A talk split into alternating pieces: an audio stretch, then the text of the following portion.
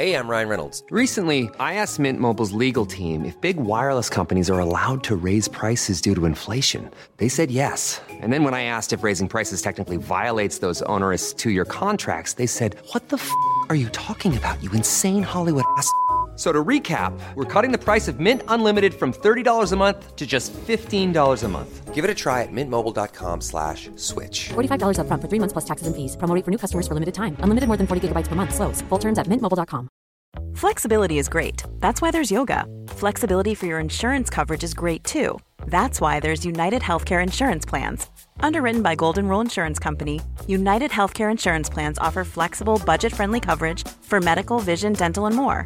One of these plans may be right for you if you're, say, between jobs, coming off your parents' plan, turning a side hustle into a full hustle, or even missed open enrollment. Want more flexibility? Find out more about United Healthcare Insurance Plans at uh1.com.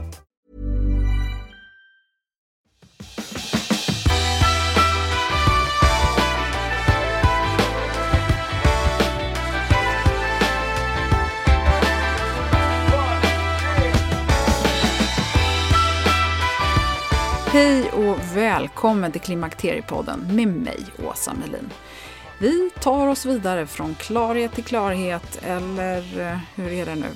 Ja, ibland blir det bara fler frågor när man lär sig mer och många hör ju av sig på Klimakteriepoddens Facebook-sida och Instagram och jag försöker att svara på det mesta, jag läser allt, men jag kan ju inte svara individuellt på allt utan det är inte jag som är kunskapsbanken utan det är avsnitten och mina gäster. Och jag vet att det kan vara svårt att veta vilket avsnitt man ska lyssna på och i vilken ordning. Kika då gärna in på klimakteriepodden.se. Det kan vara en hjälp. Och jag kan säga så här, man kan inte göra fel. Det går inte att göra bort sig så att säga i den ordning man lyssnar. Ibland händer det också att någon säger att de inte orkar lyssna utan vill att jag ska svara. Vad tror ni man får för svar då? Nej, precis, man får inget svar alls för då orkar jag inte svara. Hur som helst, jag tycker att det är jätteroligt att du som lyssnar nu lyssnar och du är så välkommen för jag är superglad att ha Cecilia Tibell tillbaka i Klimakteriepodden. Hon var mycket uppskattad gäst i avsnitt 80, 81 och 112. Och det är så spännande för med sina dubbla läkarspecialistkunskaper och en fot i det internationella funktionsmedicinstänket så ser hon oss individer med ögon som jag önskar att fler läkare hade. Så det här blir spännande lovar jag. Tillskott, prover, provtagning, näringsbalans, hormoner, covid, antidepressiva och brister. Ja, det är bara att spetsa öronen och du är så välkommen att lyssna.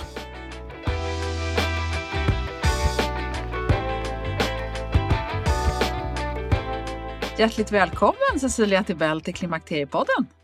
Tack så mycket, kul att vara här igen.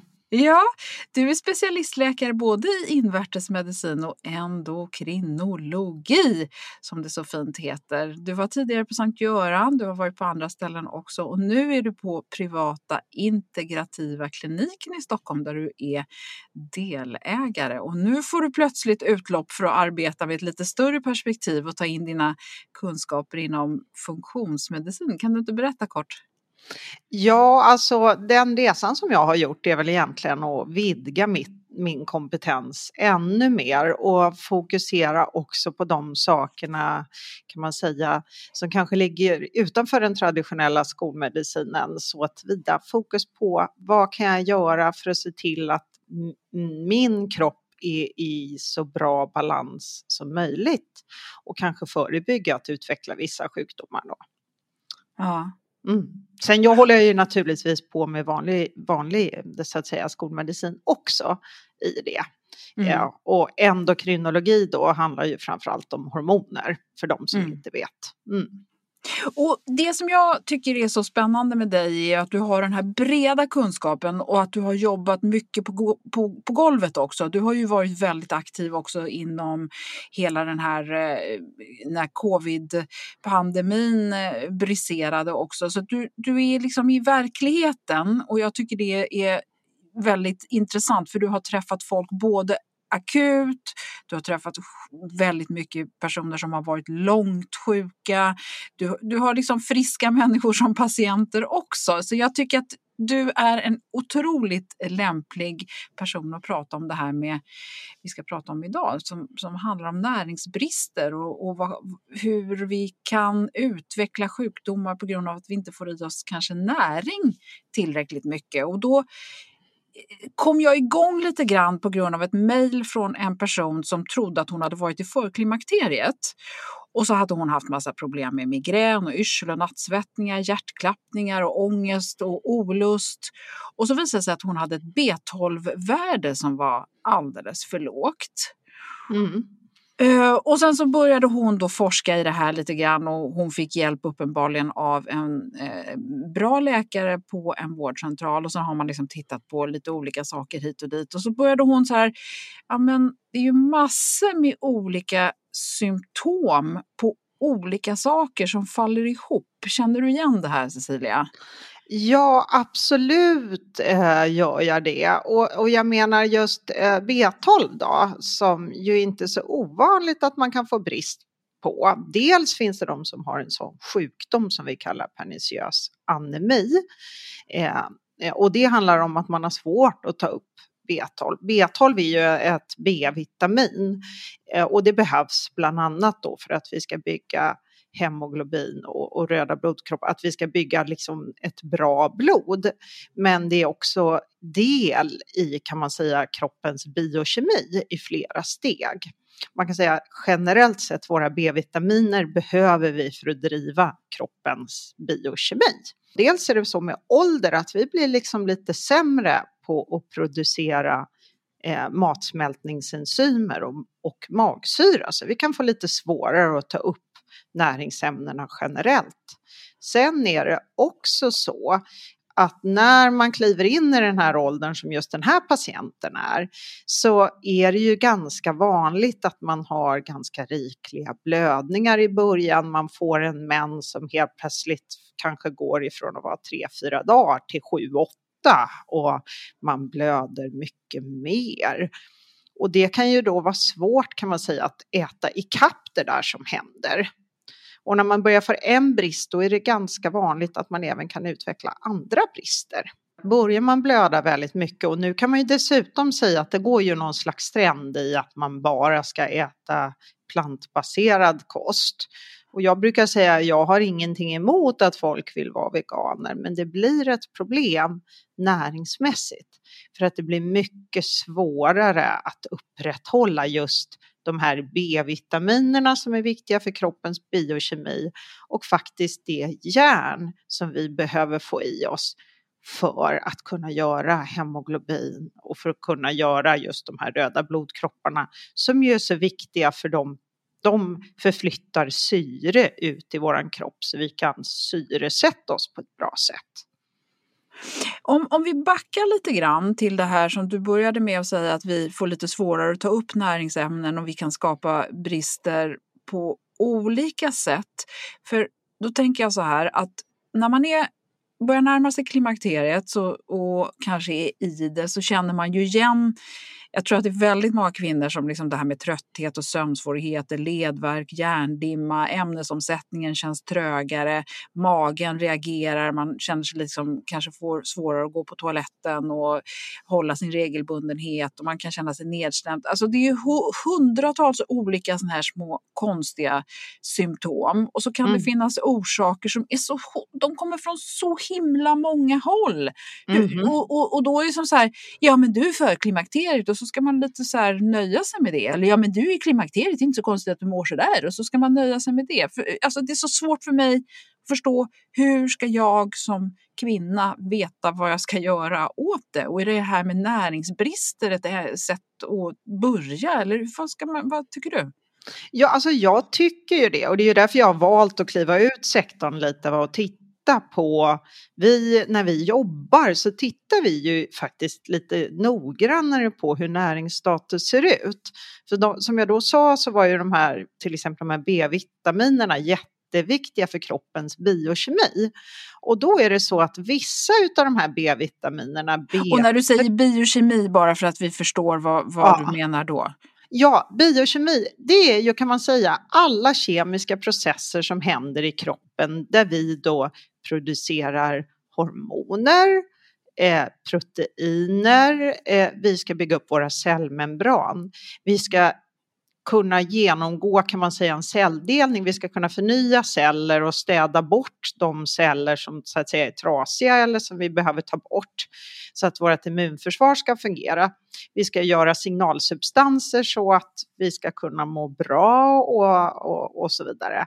Så egentligen alla, all produktion i kroppen om man säger så då. Mm, Okej, okay, mm. jag är med. Mm. Och då är det ju så att då är det vissa av de här B-vitaminerna som vi ska få i oss, de är ju jätteviktiga för just progesteron och östrogen. Så en första sätt att kunna jobba med hormonbalans, det är faktiskt att tillföra B-vitaminer. Det är nämligen så att vitaminer är saker som vi behöver tillföra som vi inte har riktigt egen produktion på. Och nu kommer genast någon säga, men D-vitamin då? Eh, och då är det ju så att D-vitamin är faktiskt inte ett vitamin utan det är ett hormon. Men vi trodde länge att det var ett vitamin. Om man känner igen de här lite skakiga symptomen och, och vare sig man vet vad det beror på eller inte beror på så skulle då ett B-vitaminkomplex som innehåller mer än bara B12 om jag hörde dig rätt eh, vara ett första steg kan vara ett sätt att försöka behandla och så vet jag att vissa gynekologer gör.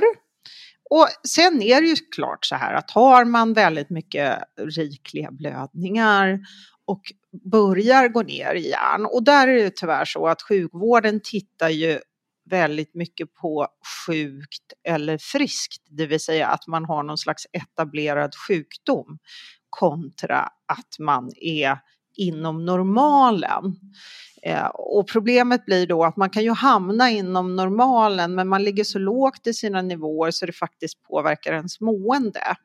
Och då kan jag säga att just järnbrist kan göra att man kan känna, få att man får ont i kroppen, att man känner sig trög, eh, att faktiskt ämnesomsättningen påverkas negativt, att man får huvudvärk, att man inte känner sig utvilad efter sömn, att man får sådana där som vi kallar restless legs, att det springer i benen eller kramper när man ska gå och lägga sig.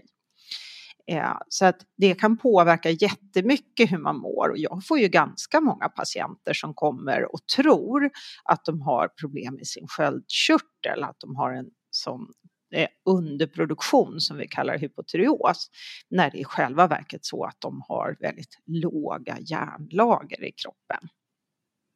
Och räcker det då att ta ett järnprov? Jag tycker att man ska titta på både järn och någonting som heter ferritin och transferinmättnad eller det TIBC. Eh, därför att då får man en uppfattning hur det är med hjärnomsättningen, liksom inte bara det vi får i oss, utan det som cirkulerar som en reserv i kroppen. Och om man inte tar de här proverna, kan man bara börja käka en vansinnig massa järn eller ta tillskott av järn och få ordning på den på egen hand? Och då är det så med järn, att för lite järn mår man inte bra av för mycket järn är faktiskt toxiskt. Så att man ska, eh, och kroppen brukar vara smart och inte ta upp det järnet som vi inte behöver. Men man kan i värsta fall överdosera sig med järn och då kan det fungera som inflammatoriskt, att det blir liksom inflammation framförallt i lever. Så att järn till tillhör, och det gäller egentligen alla kan man säga mineraler och sådana här salter, att lagom är bäst. Ja, okej. Okay. Mm. Antingen så får man ta tillskott men det kanske är bäst att mäta det med jämna mellanrum. Ja, jag tycker man ska mäta det och det gäller ju även D-vitamin som ju har blivit varit mycket på tapeten nu vad det gäller covid. Att man ska mäta sina D-vitaminnivåer och titta på kalkbalans. Eh, och, och jag jag personligen tycker man ska göra det några gånger om året. Eh, därför att D-vitamin som då de facto är ett hormon är så viktigt för jättemycket funktioner i kroppen och faktiskt hur våra hormoner i form av progesteron, och östrogen och sköldkörtelhormon fungerar. Det påverkar eh, eh så att säga både hur man tar upp och hur mycket effekt man får utav de där. För D-vitamin, förutom att vara bra för vårt skelett, så stärker det vårt immunförsvar och det är med och reglerar en massa gener och hur mycket de ska uttryckas. Det vill säga när man säger genuttryck då så handlar det om den här produktionen som vi pratade om förut, kroppens biokemi. Finns det anledning att överhuvudtaget, förr fick man ju alltid höra att nej men äter du bra och varierad kost så behöver du inte eh, överhuvudtaget fundera på tillskott utan du får i dig det du behöver.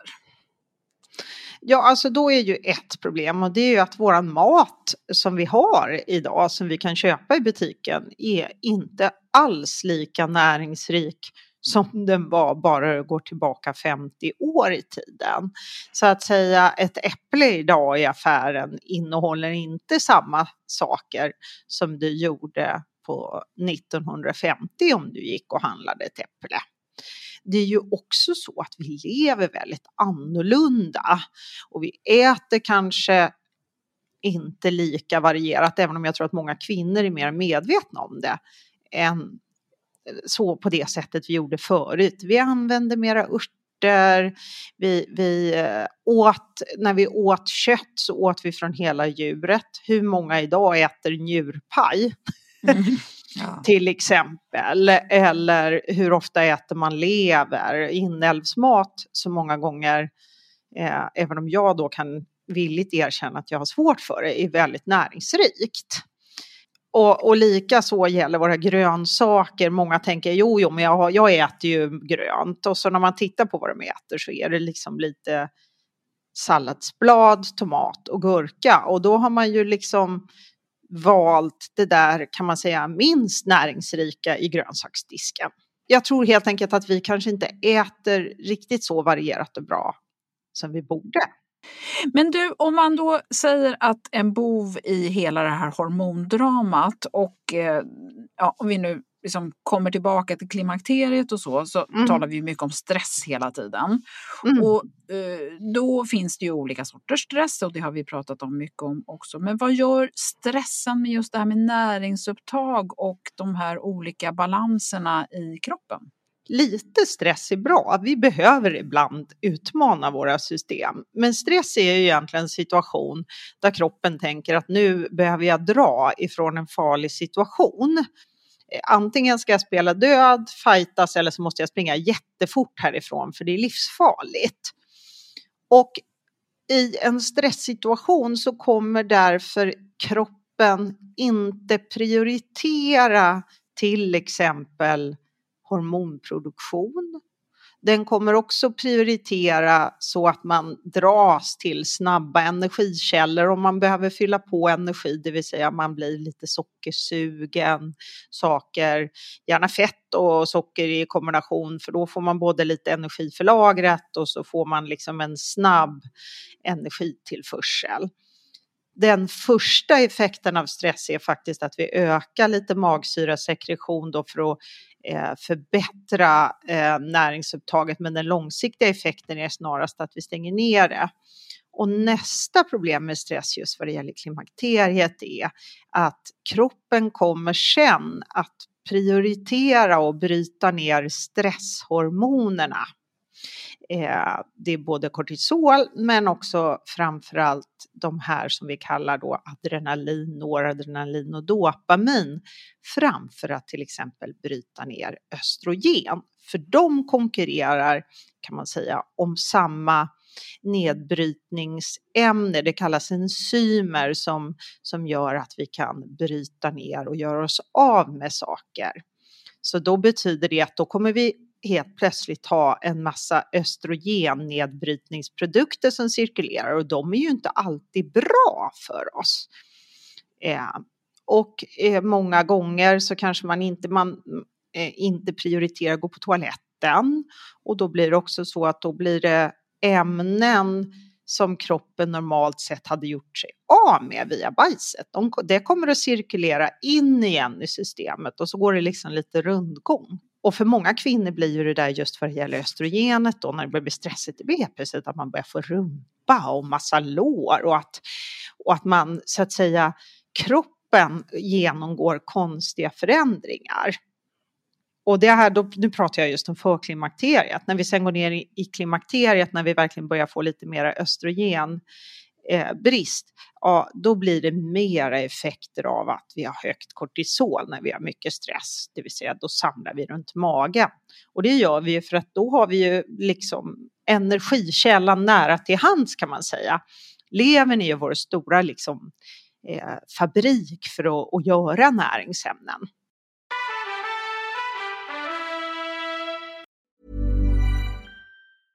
Hey, I'm Ryan Reynolds. At Mint Mobile, we like to do the opposite of what Big Wireless does. They charge you a lot, we charge you a little. So naturally, when they announced they'd be raising their prices due to inflation, we decided to deflate our prices due to not hating you. That's right. We're cutting the price of Mint Unlimited from $30 a month to just $15 a month. Give it a try at mintmobile.com slash switch. $45 upfront for three months plus taxes and fees. Promo for new customers for limited time. Unlimited more than 40 gigabytes per month. Slows. Full terms at mintmobile.com. Ryan Reynolds here from Mint Mobile. With the price of just about everything going up during inflation, we thought we'd bring our prices down. So to help us, we brought in a reverse auctioneer, which is apparently a thing. Mint Mobile unlimited premium wireless. Ready to get 30, 30, bit to get 30, bit to get 20, 20, 20, bit to get 20, 20, bit to get 15, 15, 15, 15 just 15 bucks a month. So, Give it a try at mintmobile.com slash switch. $45 upfront for three months plus taxes and fees. Promo rate for new customers for limited time. Unlimited more than 40 gigabytes per month. Slows. Full terms at mintmobile.com. Det är härligt att klimakteriets tabu äntligen är på väg bort. Vill man försöka klara sig utan hormonbehandling så finns nu många nya kosttillskott som lovar bland annat hormonell balans och som ska stötta brister. Jag vill lyfta min räddare i nöden, Femarel.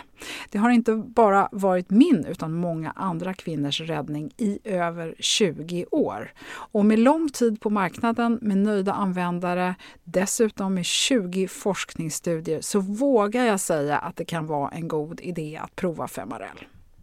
Femarel finns på apoteken och i hälsokostbutiker. Tack Femarel som varit min samarbetspartner i många år.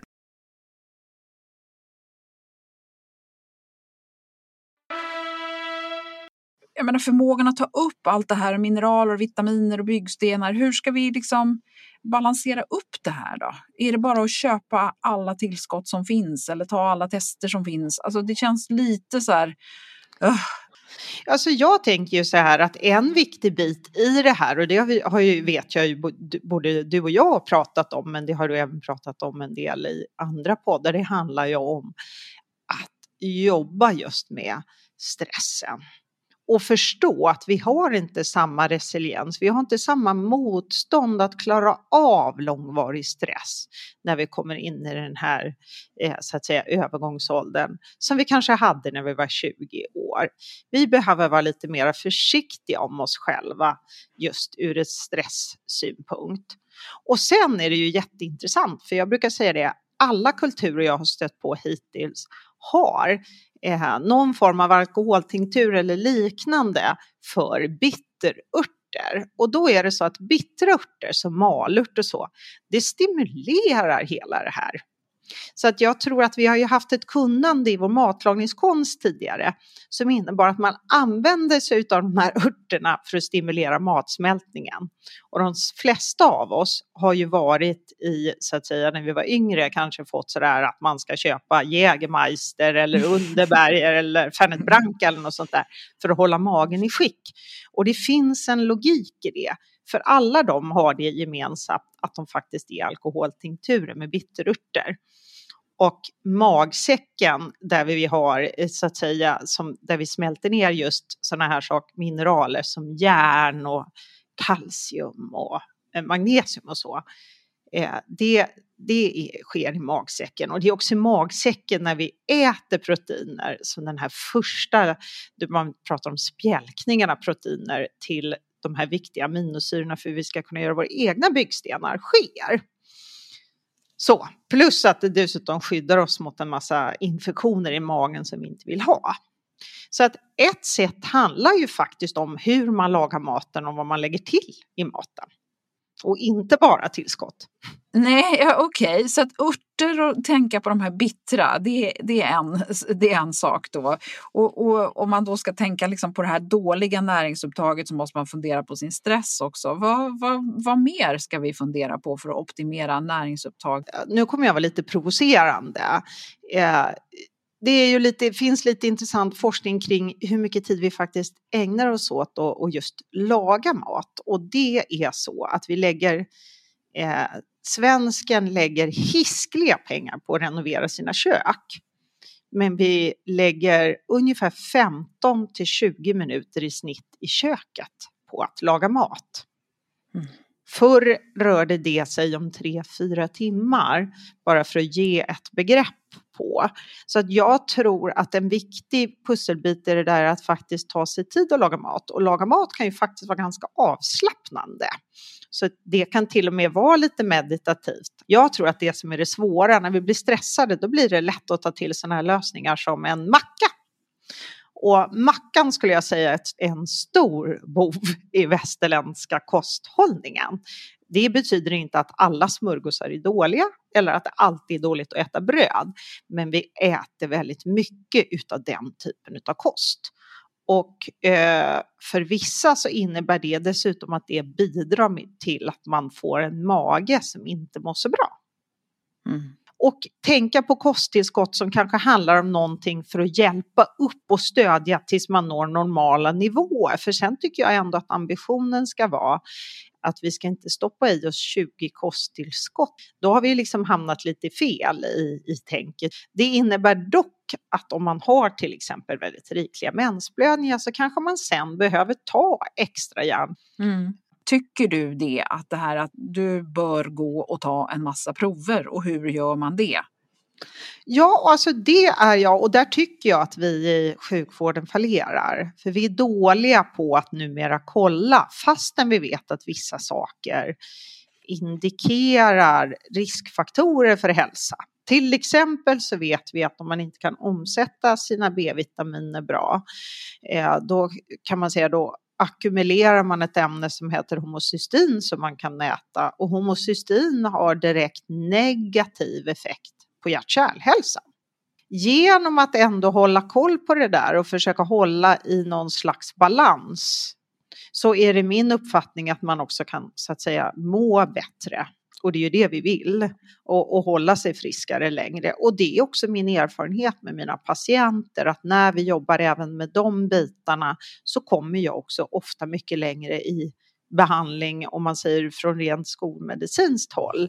Det vill säga jag kan få ut bättre effekt Eh, järn behövs ju inte bara för röda blodkroppar. Järn behövs för en del signalsubstanstillverkning. Järn behövs för sköldkörteln.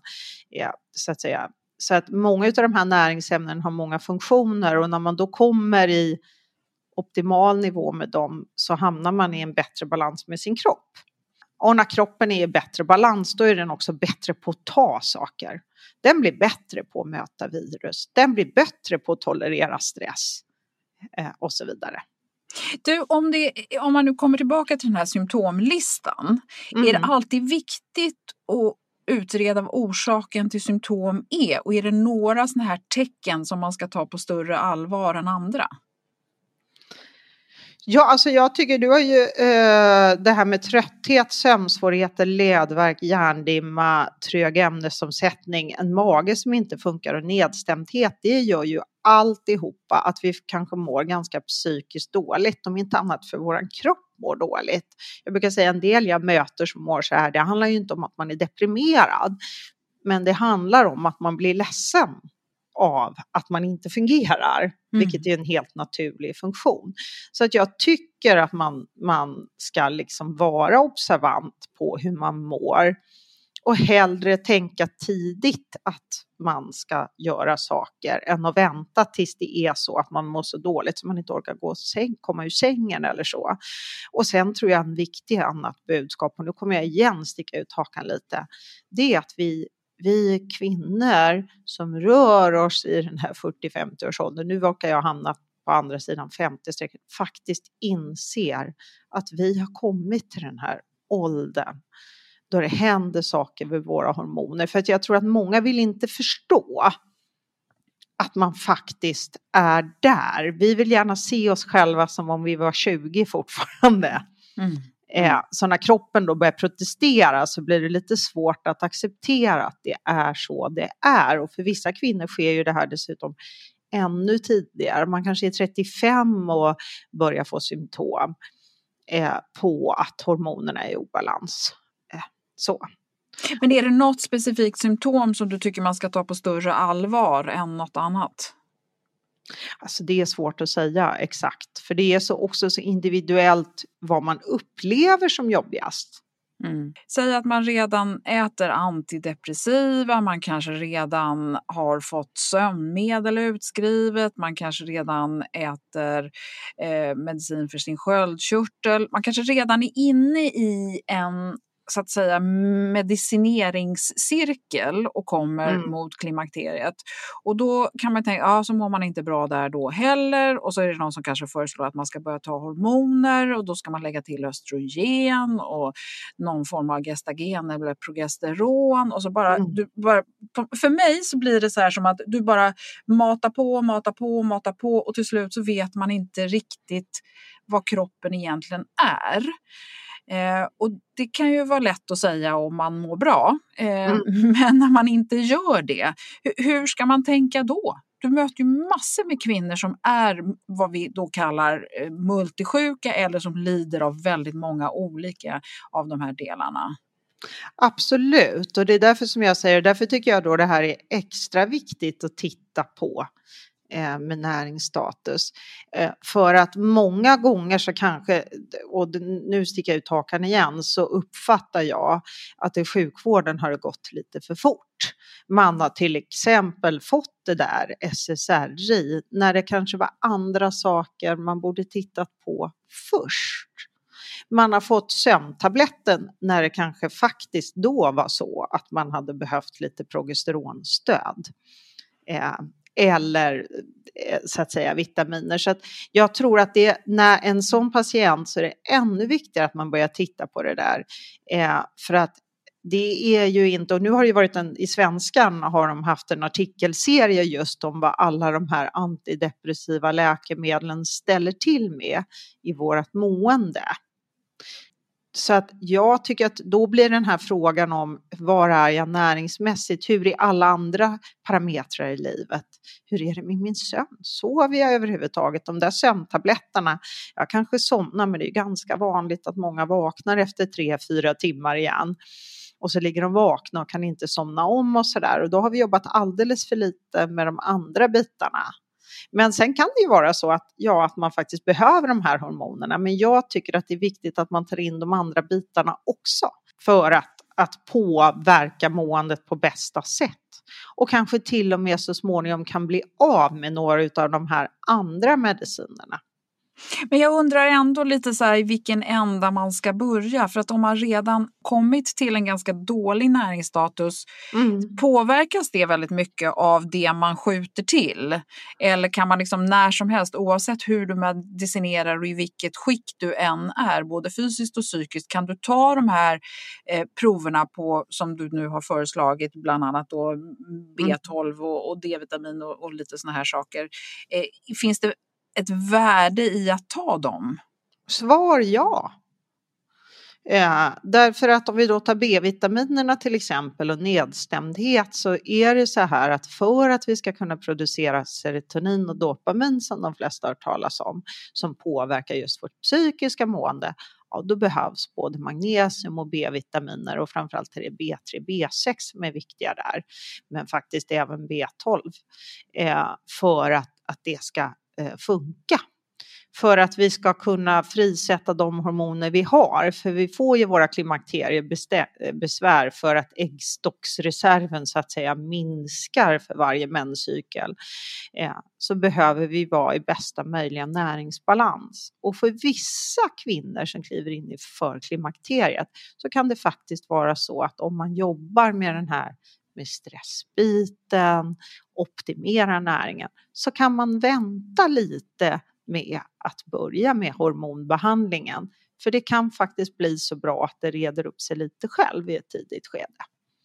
Ja, men om man då, vi, säger att man tar andra mediciner, kan mm. de störa hur utfallet på de här proverna blir? Alltså eh, vad ska man säga som SSRI då? Det står ja men ju... precis, så ja. jag tänker, eller sköldkörtel, eh, Levaxin då som är det vanliga man tar och så vidare. Mm. Och då kan man säga att SSRI-preparaten, nackdelen med dem är att de innehåller fluor. Eh, och fluor konkurrerar med jod, så man kan säga så att SSRI påverkar sköldkörtelns funktion lite negativt. Eh, Levaxin är ju ett sköldkörtelhormon eh, så att säga, så tillvida att det är en bioidentisk variant utav ett, det ena sköldkörtelhormonet som vi pratar mest om, för det är de T3 och T4 som vi pratar mest om, eh, som är T4 som det kan man säga vårt sköldkörtelhormonlager och som har lite reglerande effekter. Och eftersom sköldkörtelhormon kan man säga styr balansen i cellen, hur mycket, vad man kan säga, hastigheten i cellen. Eh, hur snabbt vi förbränner, hur, bra, hur fort det går att producera nya saker och så vidare. Eh, så så kan ju så att säga sköldkörtelhormon påverka även östrogen och progesteronbalansen. Liksom faktiskt att östrogen, östrogen framförallt kan påverka hur bra sköldkörteln fungerar.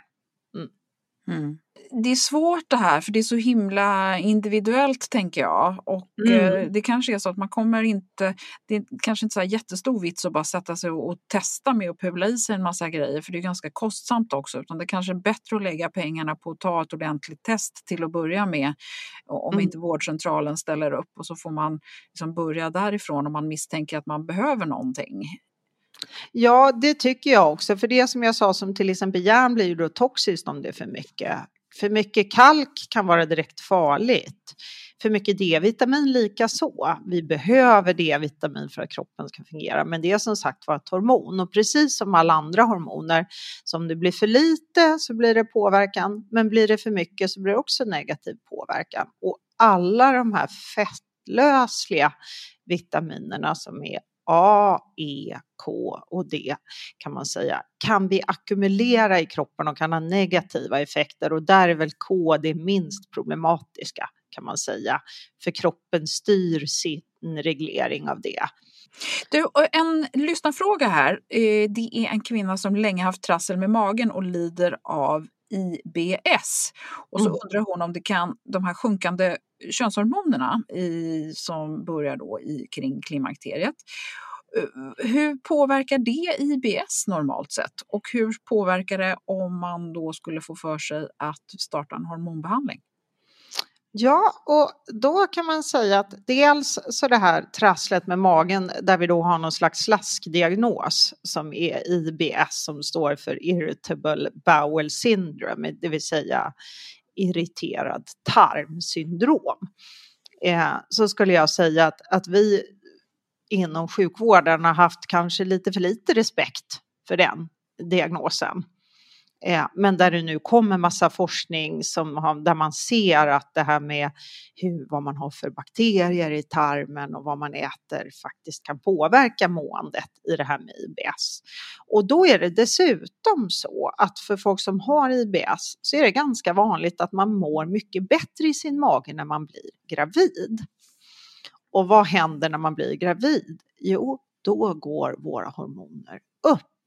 Så då kan man säga att jo, man kan förvänta sig kanske att man mår lite bättre i sin mage i samband med att man behandlar med könshormoner i klimakteriet. Och det där handlar om att det faktiskt finns östrogen och progesteronreceptorer även på de här tarmens så att säga slemhinneceller. Mm. Och då ska man lika eh, också då, om jag hör dig rätt, kunna förvänta sig att om man har trassel med magen innan så blir det ännu trassligare när sjunkande könshormoner ah. kommer in som parameter. Ja, och det är ju inte så ovanligt va? att man upplever att man samlar på sig mer, man tolererar stressen sämre, man sover sämre Och så när hormonerna går ner dessutom då så blir ju hela den här tarmslemhinnan och sånt, den blir mycket känsligare för att östrogen stärker vårt immunförsvar så vi klarar bättre av saker som attackerar oss utifrån. Och östrogen har dessutom kan man säga en tillväxtstärkande och eh, effekt på våra celler och framförallt längs våra slemhinnor och så. Så eh, när man har tittat på, det finns lite studier när man har tittat på att behandla med, med östrogen på tarmslemhinna och sett att då, då kan man så att säga få positiva effekter. På det stora hela så är ju östrogenen eh, positivt för vårt system. Och så kan man säga att progesteron å andra sidan eh, hjälper till en del med eh, med att frisätta GABA som är då en sån här signalsubstans som både i hjärnan men också i magtarmkanalens nervsystem kan liksom lugna ner. Så att då kan man både tänka sig att det blir sämre när man kliver in i klimakteriet men att man dessutom om man börjar behandla kan få positiva effekter på sitt mående i magen utav behandlingen. Hmm. Vad bra. Mm det var de frågor som jag hade förberett i alla fall. Är det någonting som du tycker vi behöver lägga till Cecilia? På frågan då, kan man behöva ta kosttillskott? Ja. Ska det vara någonting man gör resten av livet? Inte nödvändigtvis. Borde man kolla? Ja, det tycker jag. Perfekt. Det där var ju en sammanfattning som mm. eh, jag inte hade kunnat göra bättre själv. Tusen tack Cecilia för att du ville komma till eh, Klimakteriepodden idag. Återigen en uppskattad gäst. Och nu vet jag att du har en patient som eh, sitter och väntar på dig. Som, är det något spännande får man veta? Ja, alltså jag tycker ju allt är spännande, så kan man säga. Ja, det är jätte... Eh, jag träffar ju precis som du säger massa patienter. Dels träffar jag mycket sköldkörtelpatienter och nu efter covid träffar jag många patienter som mår dåligt fortfarande fastän det har gått nästan ett år sedan de hade covid. Och det är ju en liten utmaning. Eh, både för oss i sjukvården men, men för mig då att försöka få dem att må bättre. Ja, och har du kommit på någonting då? Ja, och där kommer ju det här med näringsbalans eh, in. Och sen kommer det lite intressanta saker som jag tar in kan man säga ur det funktionsmedicinska där man tänker säga att det kanske faktiskt är så att vi har någon slags virus kvar som har gömt sig i systemet och så. Eh, men där kan jag inte tillräckligt ännu för att och, och uttala mig. Men man kan säga att ja, vi har, vissa saker har ju definitivt eh, man kunnat hjälpa till med och där är ju till exempel just D-vitamin en viktig bit och A. Ja, och C är viktigt hela tiden tänker jag, eller är det inte det? Ja, C är ju bland annat viktigt för det där hjärnupptaget då. Och C mm. är viktigt för att det hjälper oss att ehm, eh, göra oss av med det som vi kallar fria radikaler. Det kan man säga är som gifter som vi behöver ta hand om och göra oss av med och då är C-vitamin viktigt. Och så brukar jag säga alltså är färgglad mat viktig för det innehåller massa sådana antioxidanter som gör att kroppen mår bättre om vi får i oss det. Mm. Mm. Bra. Tusen tack Cecilia Tibell för att du kom till Klimakteriepodden idag. Ja, och tack snälla för att jag fick vara med. Ja, jättekul. Och eh, ja, men ha en eh, bra dag och Lyllo den som kommer till dig säger jag. Ja, tack ska du ha.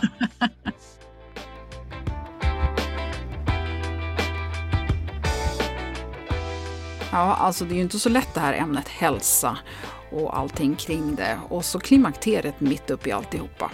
Så hela det här med att vart ska jag vända mig och om jag behöver hjälp eller bollplank. Jag känner att vi bara skrapar och skrapar och varje svar ger en ny fråga och det är ju superspännande. Och eh, vill du höra mer med Cecilia Tibell så lyssna på avsnitt 80, 81 och 112 och kika in på klimakteriepodden.se eller Facebook-sidan om du vill komma i kontakt med Cecilia. Där har jag lagt en länk. Mer om det här med tarm och hjärna och mående och funktionsmedicinskt tänk hör du också med Maria Karlsson i avsnitt 153 och 154. I nästa avsnitt så ska vi passande nog prata vidare om det här som eh, Cecilia berörde i det här avsnittet, nämligen depression och SSRI-preparat och en hel del kring ämnet nedstämdhet och klimakteriet med allmänläkare Ella Hallberg. Önskat och efterfrågat, så det blir spännande. Tack för att du lyssnar på Klimakteriepodden och hoppas du vill lyssna snart igen. Hej då!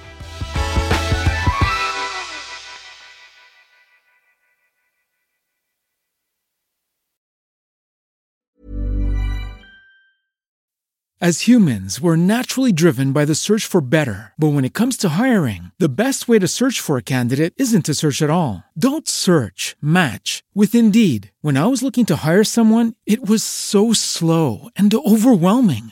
I wish I had used Indeed. If you need to hire, you need Indeed. Indeed is your matching and hiring platform with over 350 million global monthly visitors, according to Indeed data, and a matching engine that helps you find quality candidates fast. Ditch the busy work. Use Indeed for scheduling, screening, and messaging so you can connect with candidates faster. And Indeed doesn't just help you hire faster. 93% of employers agree Indeed delivers the highest quality matches compared to other job sites, according to a recent Indeed survey. And listeners of this show will get a $75 sponsored job credit to get your jobs more visibility at Indeed.com slash podcast. That's Indeed.com slash podcast. Terms and conditions apply.